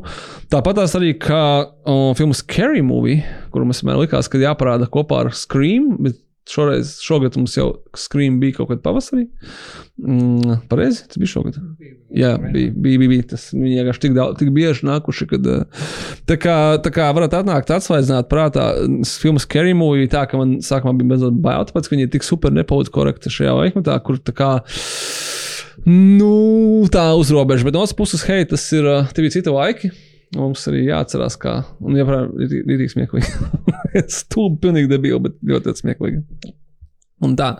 Nu, kā, un visbeidzot, uh, mums ir brīnišķīga sadarbība arī ar kinozinātnieci Dītu Rietumu, kuru mēs aicinām tad, kad mēs saprotam, ka mūs, mēs esam par stulbu un par īsu zināšanās. Īstai kino klasikai, nevis tur piektajam elementam, vai trendspotting, vai, vai From Dusk Till Dawn vai pat Džona Carpentera The Thing, kas visas ir klasiskās filmas, protams, priekš mums, bet es domāju, tādas filmas kā, piemēram, Casablanca, uh, Maltas piekuns, jeb Maltese Falcon un Dumpinieks bez iemas, jeb uh, Rebel Without a Cause ar pašu Jamesu Dīnu, vienā no šī aktiera trim kopsumā kino lomām. Nu, lūk, tāda leģenda ir James Deans, ka tikai trīs kino lomas. Un, uh, un um, šim filmām būs jādītas rietums ievadvārdi. Es tā uzmanīgi saku ievadvārdi, bet uh, gan Kasablankai, gan uh, Maltas vanagam atvainojos, nevis piekūnam. Tur arī bija kontroversija, vai Maltijas Falcon ir Maltas piekūns vai Maltas vanaks. Izrādās Maltas vanaks tomēr. Nu, Es, tas ir no Dītas rietums, nāk, tā kā es absolūti noteikti netaisos ar to strīdēties. Uh, tās ir pilntiesīgas prezentācijas, tādas, kas ir tādas. Uh, Kinoskolas cienīgas, negarlaicīgas, tieši pretēji ļoti interesantas, bet tu saproti, ka kā, tas ir reāli, tas ir knowledge, kāds, teiksim, man nav, un par šīm filmām iespējams nekad arī nebūs. Es tur varu pastāstīt jums IMDB triviju par Carpenter filmām, bet uh, tāpēc nāciet, un es teiktu, ka um, Dītas rietums gadījumā uh, prezentācijas ir biļetes cenas vērts, un filmas tam ir bonus patīkams. Bet kā daudz cilvēku saka, bet šitās taču var noskatīties mājās. Nu, tā. You're absolutely right, good sir. Bet uh, mēs piedāvājam viņu skatīties uz lielā ekrāna. Un tas pat vēl nav viss. Harija Potera maratons 19. un 20. novembrī. Nē, nē, mēs jau rādām, un vēl pēc tam arī būs Harija Potera seansi. Bet uh, šī iespēja pārbaudīt savu izturību, ne, bet pārbaudīt, cik tiešām lieli Harija Potera fani jūs esat. Un jūs varat noskatīties divu dienu laikā astoņas filmas kinoteātrī. Nu, ja varat, tad nāciet. ja nevarat, tad vienkārši nesauciet sevi par Harry Potter faniem. Un neturpināsim šo sarunu. uh, nu, lūk, uh, decembrī mums būs vēl daži interesanti klasiskie kino jaunumi, jo kā jau katru gadu Mēs arī skatāmies kādu klasisko grāvēju filmu Ziemassvētkiem. Kādu laiku mums bija Schwarzeneggers, tad mums bija Brūss Villis ar Teodoro Jekstu. Šogad atgriezīsies Schwarzeneggers ar vairākām filmām. Nu, ja, ja jau mēs atkārtojam Kristoferu Novanu un Hariju Poteru un daudz ko citu, ko mēs esam iepriekšējos gados jau rādījuši, tad mēs šogad ieaugsim gan kādas iepriekšējo gadu Schwarzenegger filmas, gan arī tādas, kuras mēs vēl nekad neesam rādījuši. Bet nu, par tiem droši vien nākamajos kinokulta podkāstos vai vienkārši sekojiet mums uh, Facebook, Twitterī, Instagram vai vienkārši kinokults LV, kur gan tas nekas sen beigas nav atjaunots, bet nu, es to izlabošu no savas puses. Tā vai, tā vai šie nebūtu ļauni meli. It's going to be amazing. Yeah. Yeah, well, you know, that's just like uh, your opinion, man. Nu, labi, ķersimies klāt uh, pēc šī grandioza garā ievada. Uh, filmai, kas ir garo podkāstu cienīga. Of the Flower Moon, Martins Korsēze, DiCaprio, Roberts De Niro, 3 stundas 27 minūtes. Bez pauzēm. Un kinoteātri, kur, kur uztaisīja pauzes, dabūja iekšā no Telmas Šurmēkers. Skorsēzes montāžas režisors, kas teica, brīnīties, taču nedēļu jūsu pauzēm, tad tagad montēju, vai tas viss ir interesanti. Man ir divējādi sajūta par šo filmu. Man vienas puses ļoti patika, bet man viņa patika mazliet labāk kā Irishmans kuru es tagad atrodos uz atpakaļ, izteikti negribu pārskatīt, bet zini, kāpēc? Tāpēc, ka de-agings ir briesmīgs, un ar katru gadu un minūti viņš paliek tikai sliktāks un sliktāks. Un tu redzi, ka tā, tā nebija varbūt baigta ideja īstenībā, vai nebija labi izpildīta tajā brīdī. Un tā, bet tas ir iemesls, kāpēc es negribu pārskatīties, ka, ka story-wise, jā, krūti. Varbūt, ka tagad tieši jāpārskata. Nu, labi, es to pats sev tikko pāraugu, kad, kad kaut kad es. Bet tu nevari dot viņai iespēju, tu viņu ļoti garu, kad tu viņu skatīsies. Bet uh, par Killers ir tā, ka uh, es viņu vairāk respektēju nekā, kad man viņa tā kā ļoti patīk. Un tas tā kā, tā, es viņu respektēju kā krūtu filmu, kā viss, vis, par ko mēs runājam, ka tas ir Skorsēdes darbs. Īstenībā tas ir krūts kino, kas ir mūsdienās uztaisīts par par ļoti lielu naudu, tāds kā vajadzētu, un tā, un tā, viss, viss ir super true, bet, uh, bet tas nav tā, ka es tā mīlu to filmu. Un, un, jā. Man ir tieši tas, ko teicu. Es viņu respektēju, bet ne visai mīlu ar Irishman. Okay. Bet ar Killers tā ir man strādāja daudz, kaut kā krietni. Jā, labāk, jā, viņi jā. ir daudz dzīvāki filmu šeit visā, visā iespējamajā kontekstā. Nezinu, kāpēc, bet viņi ir tā kā, viņi ir tā kā proper filma. Un es pat domāju, tas, ka tu viņu cieni, uh, pat varbūt pat ir labāk nekā ja tu viņu mīli. Tāpēc, ka dažreiz es mīlu filmu Detroit 2, un tas ir ne, neloģiski un, un tam nav neracionāli. Ne? Tas nozīmē, ka uh, tu īstenībā nevari par to pat baigi diskutēt. Un cilvēks vienkārši saka, man patīk. Nu, vai es, es mēģinu atrast kaut kādu pilnīgi stūlu piemēru, nu, kas man kas man nepatiktu, ka kāds man kaut ko teiktu par savu filmu. Ka, un, ka tu nevari strīdēties. Cilvēks saka, man vienkārši viņa patīk, un viss, nu, ko tu tagad strīdēsies pa gaumi, vai, nu, nu jā, īstenībā to jau mēs darām visu laiku, bet, nu, whatever. Bet uh, tad, tad viņu respektēt, tas nozīmē, ka tu saproti, par ko tu viņu respektē, tu spēj saprast, ka tās filmas, teiksim, ir ļoti gara, Un viņi, nu, kā, nu, jā, viņi ļoti interesanti. Viņi visi tur visā, katra aina savā vietā. Es nevaru viņai pateikt, ko tur vajadzētu tipa, izgriezt ārā. Vienkārši for, for fun of it, pat man īsti nav ko to pateikt. Kā, izņemot tikai vienu lietu, kuru es gan varu pateikt, ka man ir tāda sajūta, ka šim stāstam, nu, īsti es nevaru atrast, kāpēc viņš nevarēja būt 2 stundu 30. That being said. Ka viņi vienkārši ļāva tām ainām iet, un tas ir krūta, un mēs viņus izbaudām. Viņas visas strādā, bet te pašā laikā nu, Jā, viņš droši vien varēja būt. Es nezinu, vienkārši pats viss stāsts no sākuma līdz beigām. Es domāju, jā, viņš ir gan episks, tur ir gadu desmiti, kas iet, jā, pareizi. Tur ir diezgan, diezgan daudz. Tur netiek tas precizēts, pēc tā filma speciāli viņi, viņi nesaka, ka tas gads, tas gads, tas gads, un tad tu, kā, viņi tev nedod tos pieturpunktus.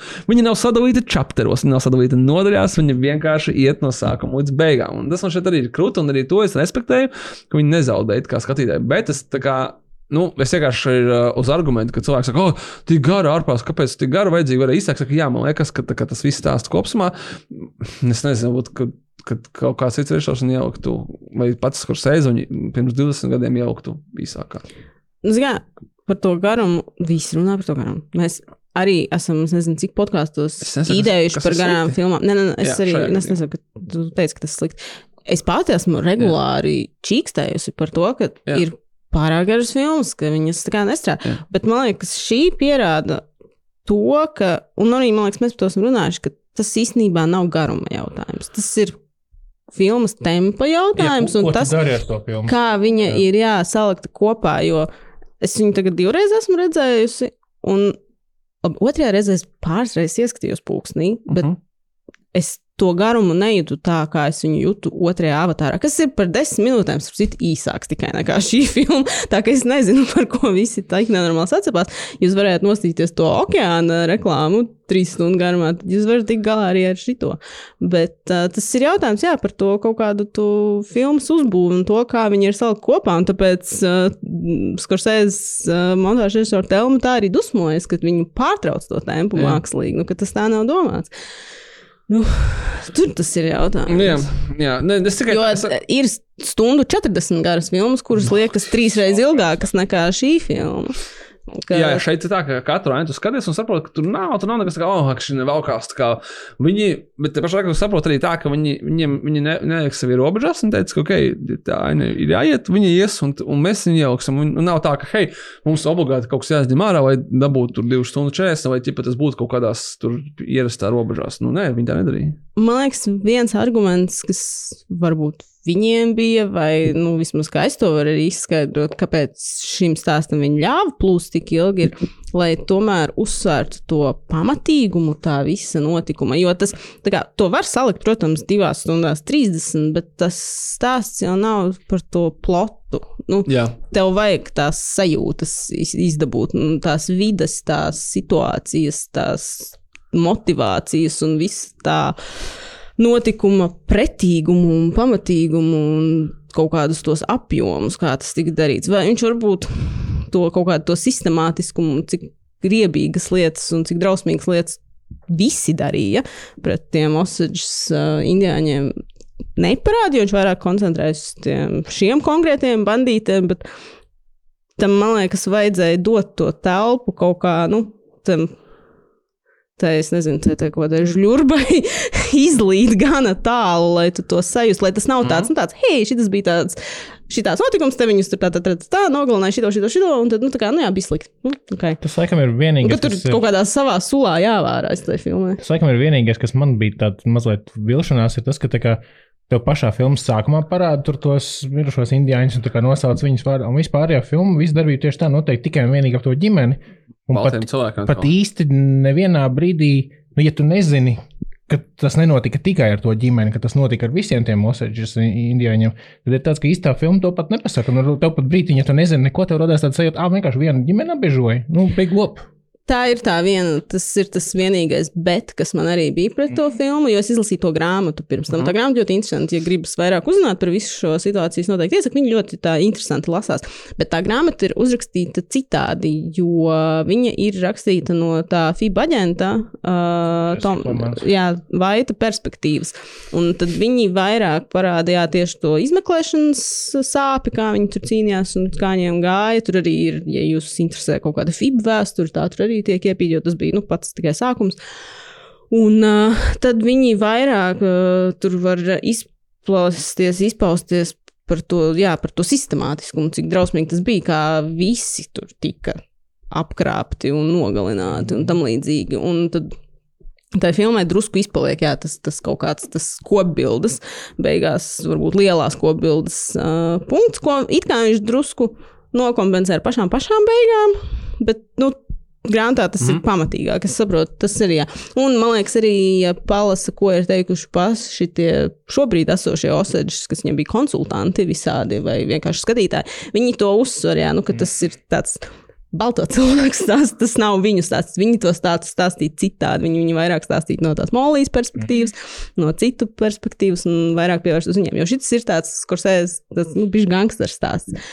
Viņ, viņš neglorificē šos personāžus nekādā veidā. Tas ir, man liekas, tas pats jautājums par Wall Street, kur bija visas šīs diskusijas. Nu, jo kādam likās Jordans Belfords kā cilvēks, ko atdarināt, nu, tad tā droši vien ir tava problēma. Bet, nu, tāpatās mm. viņš vairāk viņus parāda un, un, un apdziedā un tam līdzīgi. Tas ir arī saprotams arguments. Bet, jā. Bet, kā, nu, ir jau kaut kāda no puses arī saku, ka saprotu, ka ir stulbi, ka ir diezgan liela daļa diskusijas par šīs filmas garumu, kas kaut kā nedaudz triviāli, un arī šajā podkāstā tagad mēs diskutējam par to, kā filmu. Nu, tās, jā, ka mēs nu, mazāk diskutējam par to, cik tās ainas ir labas. Tur sliktas, tādas, tādas nekā kā cilvēki, oh, my God, par garumu, kas varētu būt īsāk, kāpēc vajag tik garu filmu un tā tā, kas ir uh, dažs vien, kad uh, daudzu lietu faktors. Nu, tā kā, teiksim, Skorsēze, kurš ir vecāks, viņš negrib sevi dažs vien ierobežot, viņš grib kā, taisīt to filmu, kādu, kādu viņš grib, viņš ir dabūjis naudu no Apple. Apple viņam saka, mēs, nu, ka, ka viņi taisīja to filmu, viņi nebija plānojuši, ka vispār viņi radīs kinotētros, un viņiem nebija kaut kāda distribūcija paredzēta. Viņi tas bija tikai filmas kaut kādā procesā, kad tur Paramounts pieslēdzās, ka mēs viņu rādīsim. Un tas nozīmē, ka tu taisi viņu, cik viņi grib gari. Tā kā, kā starpība salīdīs, taču Apple TV tas viss būs, būs ok. Un, uh, un jā, pats stāsts, ka viņi vienkārši taisīja, cik garu gribēja. Bet uz to pārāk liels uzsvars nekā uz to pašu filmu kvalitāti. Kāpēc DiCaprio visu filmu staigā ar seju, kas ir tas bēdīgais smaidiņš? Vai bija tas, bija tas, no kā viņš iedvesmojās? Varbūt, jā. Vai ne? Ne, par to filmu garumu ir tas, ka arī es pēc filmas noskatīšanās kaut kādiem cilvēkiem, kas nu, neaizgāja tur tajā rītā noskatīties vai iepriekšējā vakarā, ka es arī tāds vienkārši, nu jā, es biju noskatījies to un to filmu. O, oh, bet tāds ir baigi garām. Man ir tāds, jā, bet. Katra aina vienkārši tā kā, nu, tā filma nav tā filma, kur tu iznāc ārā un tāds, wow, trīs ar pus stundas, bet tā paskrēja laiks. Nē, tā nav. Bet tajā pašā laikā tev nebesīja. Tāpēc, bet tu saproti, ka kino, kā... tas ir smūgs kino. Tas ir nu, tiešām Jā. kino tā, tā vārda nozīme. Es vienkārši domāju, ka es kaut kad, nu, es nezinu, tas ir tas korekts salīdzinājums. Es, nu, kā es gāju skatīties filmu, kas ir 3 stundas 27 minūtes gara ar titriem. Tas nozīmē, ka viņi nav nemaz tik gara. Viņi tur vēl minūtes 4-5 īsāka. Tikai nedaudz garāka par avatāru. Bet, nu, ej, un tas, un es vienreiz esmu dzīvē lidojis uz Losandželosu. Tas lidojums 11 stundas garš. Un es zināju, ka es kāpu lidmašīnā un stūlīt lidošu 11 stundas. Un tu ar tādu domu arī tā sēdies. Nevis ar domu, ka tas būs 3 stundas. Bet, ah, what happened? Kāpēc tik ilgi man ir tā kā, es nezinu, notripusi pakaļ, laidiet mani ārā. Un ar tādu domu tas lidojums nebija tik slikts, tāpēc, ka tu zini, ka tu lidosi 11 stundas savu, tu esi gatavs. Un es biju gatavs, ka filma ļoti gara, būs ļoti gara. Un nav jāstāsta pēc divām stundām, kad jau beidzot beigsies, ka, tā, kā, kas, kas, kas notiek. Tā, lai gan nebija mums tāda iemesla. Man liekas, tas tāds arī, nu, kā tu, viņu, kā tu to sagatavojies, tad ej un skaties viņu. Nu, jā, viņai strādā tas temps. Man ļoti, ļoti filmā palīdz mūzika. Es tagad arī otru reizi skatoties vēl vairāk, viņai pievērstu uzmanību. Viņa sarakstīja Robijs Robertsons, kurš pavisam nesen arī, diemžēl, nomira.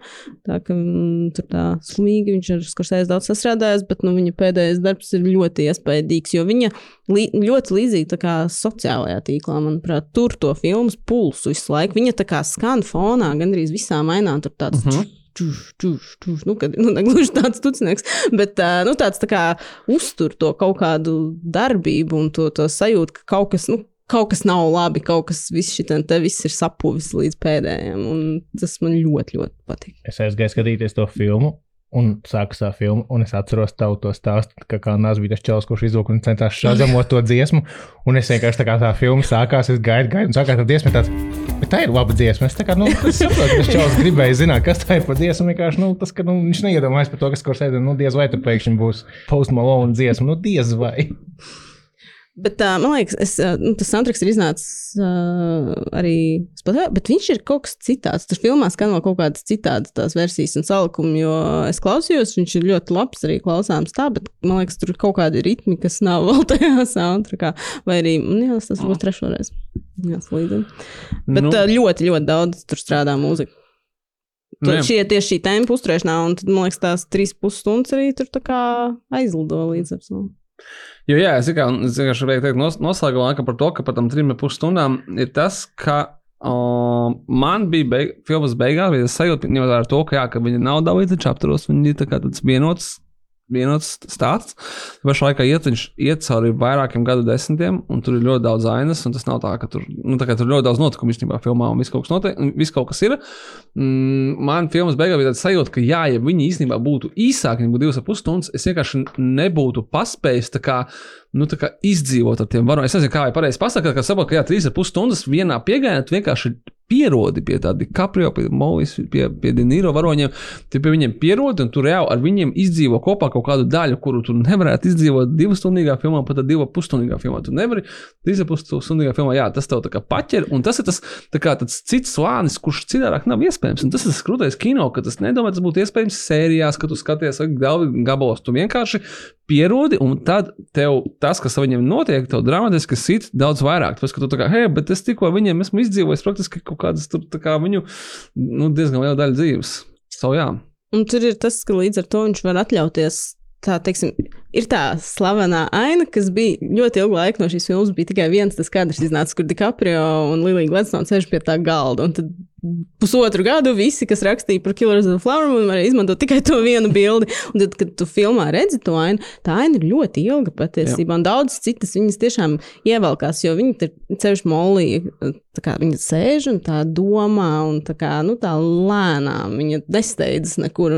Viņš var atļauties to, viņš var kā, marinēties tajā brīdī, ļaut viņam kā, piebriest ar visām tām emocijām. Tas viss notiekās. Tur ir ļoti daudz ainas, kuras, man liekas, Dinairo vienkārši aizdomīgi skatās uz kādu un lūr par savu degunu un kaut ko schēmu. Un, ka, nu, tas ir efektīvi un strādā. Tas, tas arī tas, tas kinoteātrī tā filma ir tāds. Nu, vismaz man arī, ka, kas man tieši patīk, ejot uz kinīt, ir filmas tieši tas, ka es apsēžos tajā tumšajā zālē un viss, es no A līdz Z skatos to filmu, es esmu cenšos viņu pasaulē tikt no vai kaut kur jā. Tiem, kas skatās telefonā. Nu jā, bet tajā pašā laikā es tagad iedomājos, ka tas Killers of the Flower Moon nonāks uh, Apple TV platformā vienkārši un 3, 3 stundas 27 minūtes. Tas nozīmē, ka nu, cilvēki viņu skatīsies 5 stundas, jo pa vidam būs jāiet uztaisīt buķeru broģiku un jāaiziet uz tubāru un jāaiziet uz pīpēt un vispār. Uzlikšu fonā, kamēr kārtē māja. Un tieši tā, un tas zudīs viss tā filmas tā maģija. Tāpēc ir tas, ka kinoteātris ir priekš tās filmas domāts un Apple TV būs tā kā, nu, es viņu varbūt mājās nostīšu paskatīšos vēlreiz, jā, Apple TV vienkārši tāpēc, ka es viņu jau būšu redzējis kinoteātrī, bet pirmo reizi.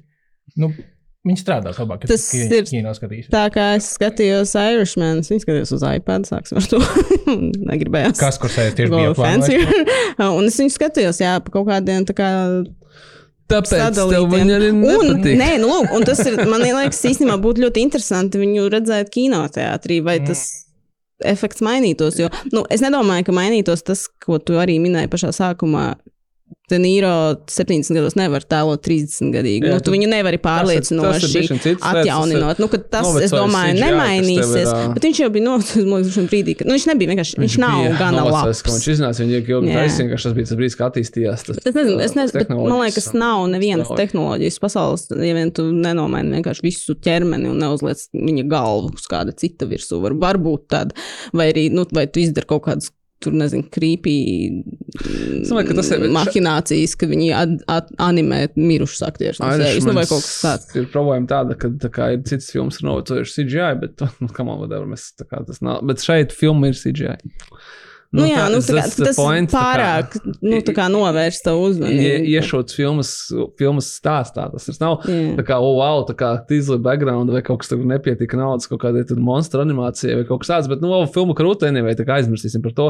Šeit tas, ka tas stāstījis ir tas kā, efekts. Un, nu, jā, bet tāpēc man interesē, vai varbūt, nu, jo Airšmanā es bišķiņu stragloju arī ar to stāstu, jo man likās, ka, teiksim, tas Danīro varonis. Nē, nē, bet pat ne tādā līmenī. Man likās, ka, nu, visa tā filma ir no Denīro perspektīvas, Jā. vairāk vai mazāk taisīta. Un ka man viņš likās tik nenormāli neinteresants, ka viņš kā visu to filmu ir kā tāda telefona ķēdītas viena daļa, bet ne tā svarīgākā gala daļa. Un mm. tad man bija tāds, es labāk gribu. Alpačīno vairāk, jā, uzzināt kaut ko, vai, nu, vai peši. Kur ir uh, viņa tēva man šeit uh, Denis Devito? Nu, tas un... tas Hoffa, es bērnībā redzēju, es uzskatu, ko pa televizoru rādīju, un es tā tāds jums neskatījos toreiz. Un es o, oh, interesanti. Ar to Hoffa incident, ka īstenībā ir tik nenormāli daudz atsaucas uz viņu visu kaut kur. Es kaut kad, es nezinu, kurš seriāls tas bija tagad, ko es skatījos, bet tik pa laikam tagad pamani, ka tur ir tā kā, ja kāds kaut kur ir pazudis nezināmos apstākļos, tad tur hei, bija notiks kā ar Hoffa. Man lielākā problēma ar Irishman bija tā, ka tā arī neprāt tas mājas, ko viņš sakrāsojas. Nu, Visu filmu runā, ka viņš jau viņš paints houses, paints houses. Kur tad ir tas savs darbiņš? Parādi mums tās savas mājas, ne? Tikai tur Extreme makeover. Nu, lūk, jā, bet man problēma tad, man liekas, bija tā, ka tā filma daļai problēma bija tā, ka iznāca Netflixā, un es varēju darīt visu to, ko Toms uzskaitīja, ka es varēju sev tik nenormāli viegli novērst uzmanību. Un mm. tāpēc man liekas, būtu interesanti jā, zināt, kā tas būtu bijis. Ja es to skatītos kino, varbūt mēs tagad reivotu par viņu tāpatās kā par. Mēs tā skatījāmies kino, bet tas nepalīdzēja. Nu, es pienāku, nu, uztaisīšu privātu sensu. Mm. Nostājāmies vienkārši sākumā līdz beigām. Tas bija gari, bet mēs arī reiķinājāmies ar to, ka būs gari. Tā taču vēl garāka filma, ne? Vai ne? Es domāju, ka samalot varētu būt. Man liekas, ka viņi ir garāka nekā Ormond. Nu, kā arī būtu, jā, mūsu konsensus tāds, ka aiziet nostāties, kamēr vēl rāda, tāpēc, ka kinoteātri nu, nerāda daudz ilgi tādas filmas, jo viņi vienkārši aizņem tev visu kinoteātri, un ne- neviens cilvēks īstenībā nenāk.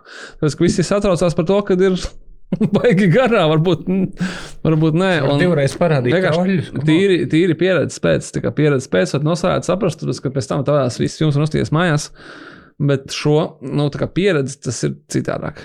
Un arī tā kā, nu, tas, es negribu izklausīt tādu trausmīgu morbidu, un jo viņš ir dzīves, priecīgs un enerģijas pilns un runā par visiem saviem nākamajiem projektiem, bet Skursēzam ir 80 plus gadi, nu, cik mums vēl daudz Clint būs viņa teica, filmas.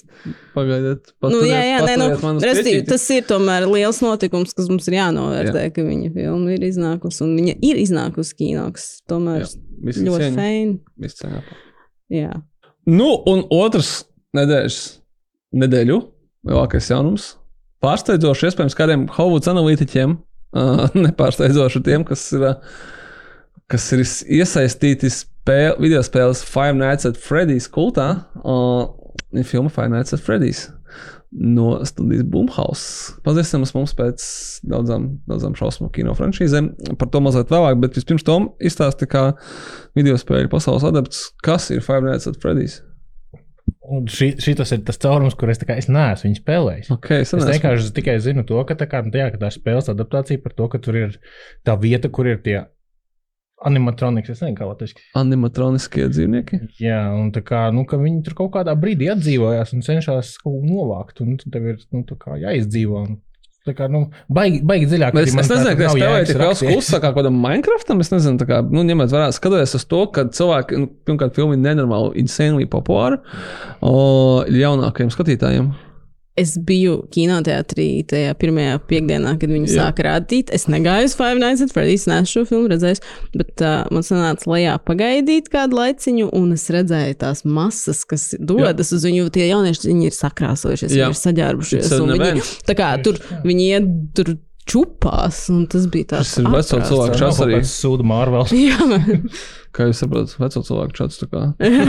Kas notiek? Kaut bet, kā, bet tās spēles jaunieši. Taču nav jaunas. Viņas Nē, ir nē, vecas. viņas ne? nu, labi, kā no 14. gada viņas ir. kā Tas nav nemaz tik Nu, sens. tas, Also, tas nav kaut kāds kā 70. gada spēles pagājušā gadsimta. Tas ir salīdzinoši zvaigznes, gan daudz ir.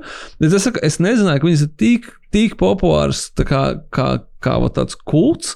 Bet es arī domāju, ka varbūt viņas pat nav tik populāras, cik populāri tie tēli ir. Nu, tie tēli, manuprāt, ir aizgājuši. Tas nav tā kā simts. Tas nav, tas nav tā kā tas spēļu autors, kurš ir viens džeks. Viņas ir, tās ir mazbudžeta neatkarīgās spēles. Tas nav FIFA, tas nav Mortal Kombat, tas nav kaut kāds lielais. Tas ir tāds neatkarīgi, neatkarīgi mazbudžeta spēle, bet tas autors nav kļuvis par miljardieri, kā tur tas Minecraft čalis, kurš nu, tur pērk savu mentions par 100 miljoniem vai kaut kā tā.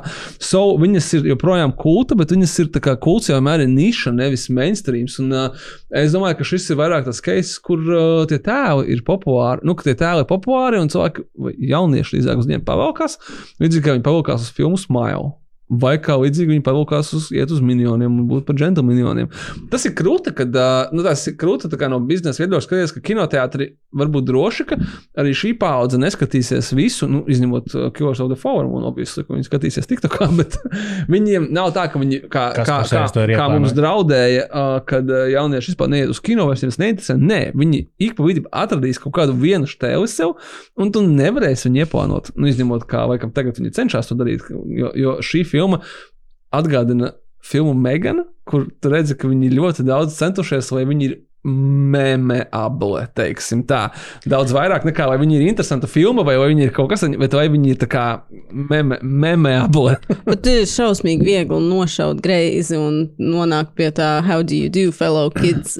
Vai Jā, tur ir jāatrāpa. bet, ja to vajag mācīt, jo Megana mācīja, un laikam Jā. šīs uh, pasākums arī. ir 12 gadīgi konsultanti. Jā. Pasaules labākie mēmī eksperti noteikti piedāvās veidošanā. Jo, ja ir kaut kas, ko Gen Z ienīst vairāk par visu, tad tā ir tā kā kids? sajūta. Jā. Jā. viņi to uzreiz pamanīs. Es saku, tas līdzīgi kā citām kaut kādām, kad ja tu, tu nav tik, tās filmas nav tik dārgas, bet ja tu trāpi, tad tā kā tas ir jackpots, ka viņi nāks. Viņi, šie cilvēki. Un, uh, tas, kā, tas, ir, īstenībā, un, un tas ir forši, ka kinoteātris zina, ka hei, uz kaut ko viņi pavilksies, un viņi ies uz kino kā uz šo eventu, un tas viņiem būs tā kā tāds. Es, vat, nokļūdies un neaizgāju. Es aizgāju uz Taylor Swift, bet neaizgāju uz Pavnēcot Fredijas pirmo seansu, kur bija visi šie cilvēki, uh, Gen Z, tu viņus sauc, those people. Viņi neklausās šo podkāstu. Paldies, Dufalo, Sergei. un, uh, un vajadzēs, ne, nedarīšu vairs tādas muļķības, es nākamreiz noteikti tieši vienkārši skatīties, un, um, lai, lai saprastu, Kā, nu, kas tas ir par fenomenu, vai mēģināšu saprast? Nu, es nesapratīšu, viņas esmu, ko tad es sapratīšu. Bet man liekas, es nezinu, vai tu, nu, kā, vai tu kļūdies, tu varēji veikt abas šīs izvēles, bet es domāju, cik es saprotu, tā Taylors pieredze ir ļoti līdzīga kā šī pieredze, ka tur ir ģībieni, sajūsmas kliedzieni, spiedzieni un vispār. Verbāls, uh, verbāls, kad redz, ka cilvēki vienkārši priecīgi, viņi kopā, viņi fano, Man ir jautājums, vai viņi zina, par ko viņi fano, vai viņi zina, kāpēc viņi fano. I don't know. Bet tas varbūt nemaz nav svarīgi. Tas ir vienkārši, ka mēs kopā paspiedzam un labi pavadām laiku. Bet ir tā, ka, jā, ka attiecīgi cilvēku grupa viņi paņem kaut ko, paņem un viņi padara to par savu. Un kas ir krūti priekš tiem, kas viņi taisīja.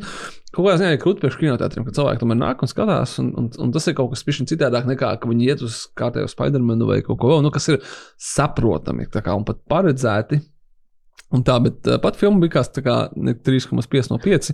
Piedodiet par šo manu klasisko vērtējumu. Jā, viņi man ir pārsteidza to, ka tur ir kaut kāds backstories izdomāts. Es domāju, kāpēc vispār Kāpēc jums vispār vajadzēja to domāt? Ka, I mean, es biju domājis, ka tu atnāksi un tur būs tie animatroniskie vāči un lapas un vilks, kas tur tie pat dzīvniekiem, kas vienkārši čopos kaut kādus tur, nu, kas tur pagadās par rokai, kas šajās filmās ir tie background personāži. Bet tur ir kaut kas baigais stāstījis, kas atgādina Black Phone kaut kādu kā, uz to pusi. Un tāds ļoti dziļš, tas tumšs un tā kā domāju, bet tiešām, domā, nu, tā kā, tiešām to tā kā šeit, vai, es priecīgs, ka viņš tur ir.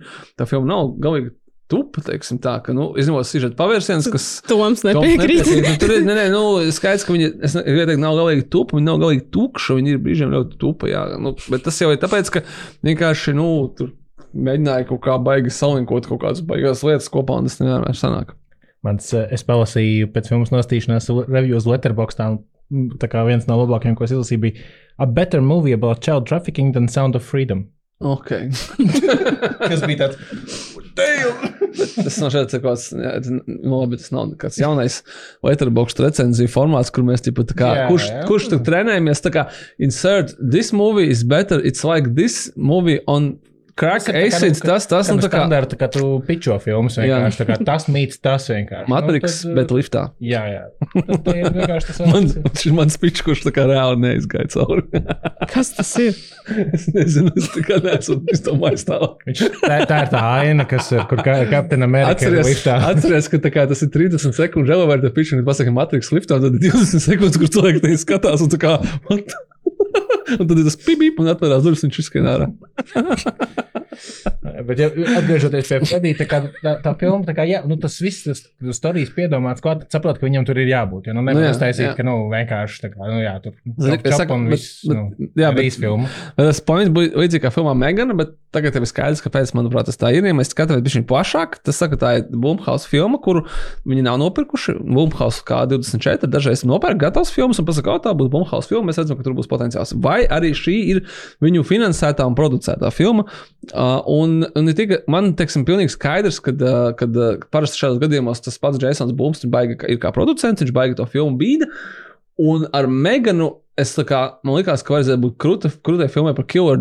Un vis, tur viss bija forši, izņemot tas, ka tur bija pārāk maz killdola. Un tu, kā, nu, kad tu gaidi, ka tur ies kaut kādā baigā rempaģā, un tas tur bija vismazāk. Bet viņi tur smieklīgi dejoja, un tu tikto kā aizgāja tā viņas deja un tā tālāk. Un tu tā kā, ok, varbūt PG-13 ratings nebaigi nepalīdz tādām šausmu filmām, kur tu gatavo, gaidi, gaidi ka tā killdola čopos kaut kādus tur nelaimes putnus.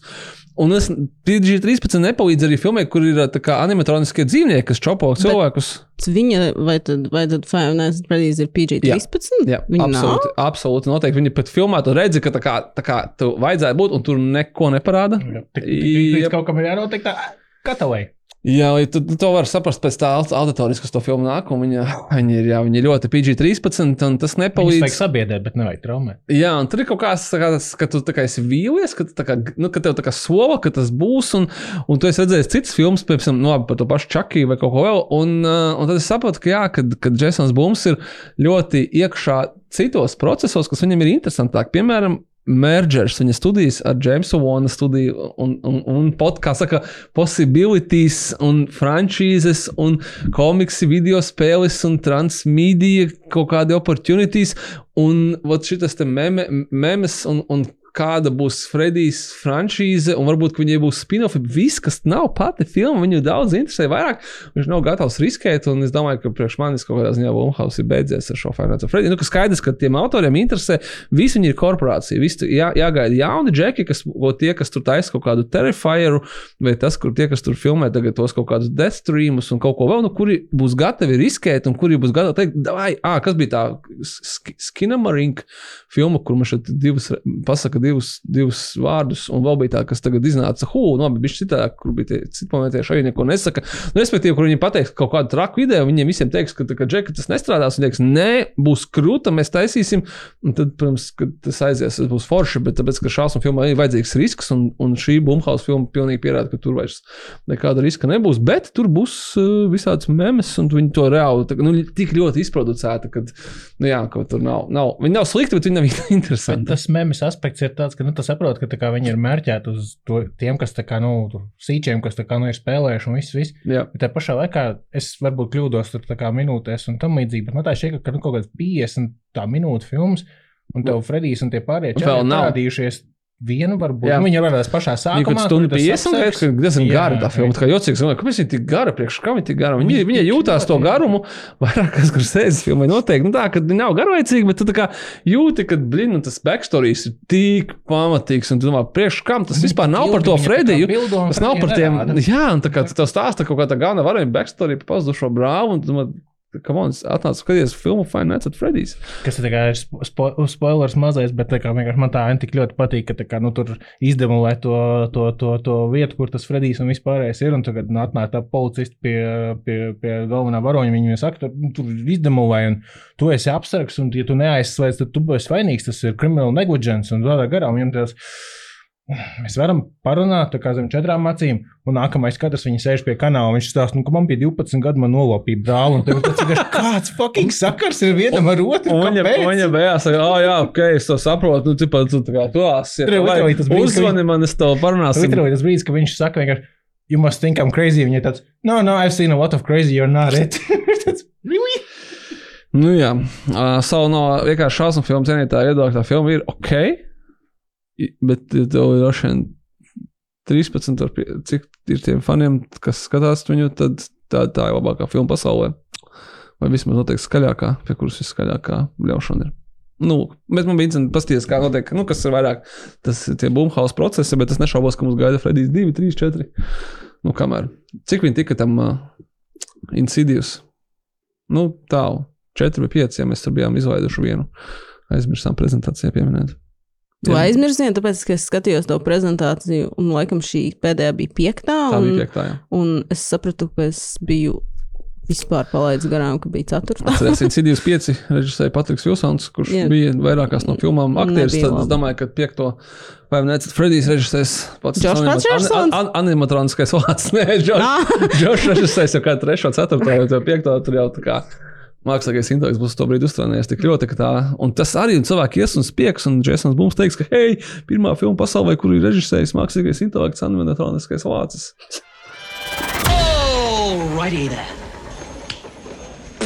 Tas, sakām, viss būs šoreiz. Uh, paldies jums, ka klausījāties, kā vienmēr.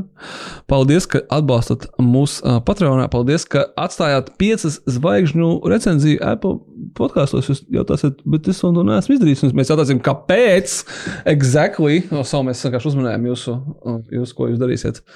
Nevis, ko jūs darījāt pagājušajā vasarā, bet ko jūs darīsiet nākamajā brīdī. Ja klausāties mūsu Spotify, joprojām piecas zvaigznes. Paldies jums! Liels. Paldies jums! Liels. No sirds un no rajona! Tiekamies seansos. Un lai jums brīnišķīgs uh, Killers of the Flower Moon seans. Pirmais, otrais vai arī trešais. Galvenais, ka kinoteātrī. Atā!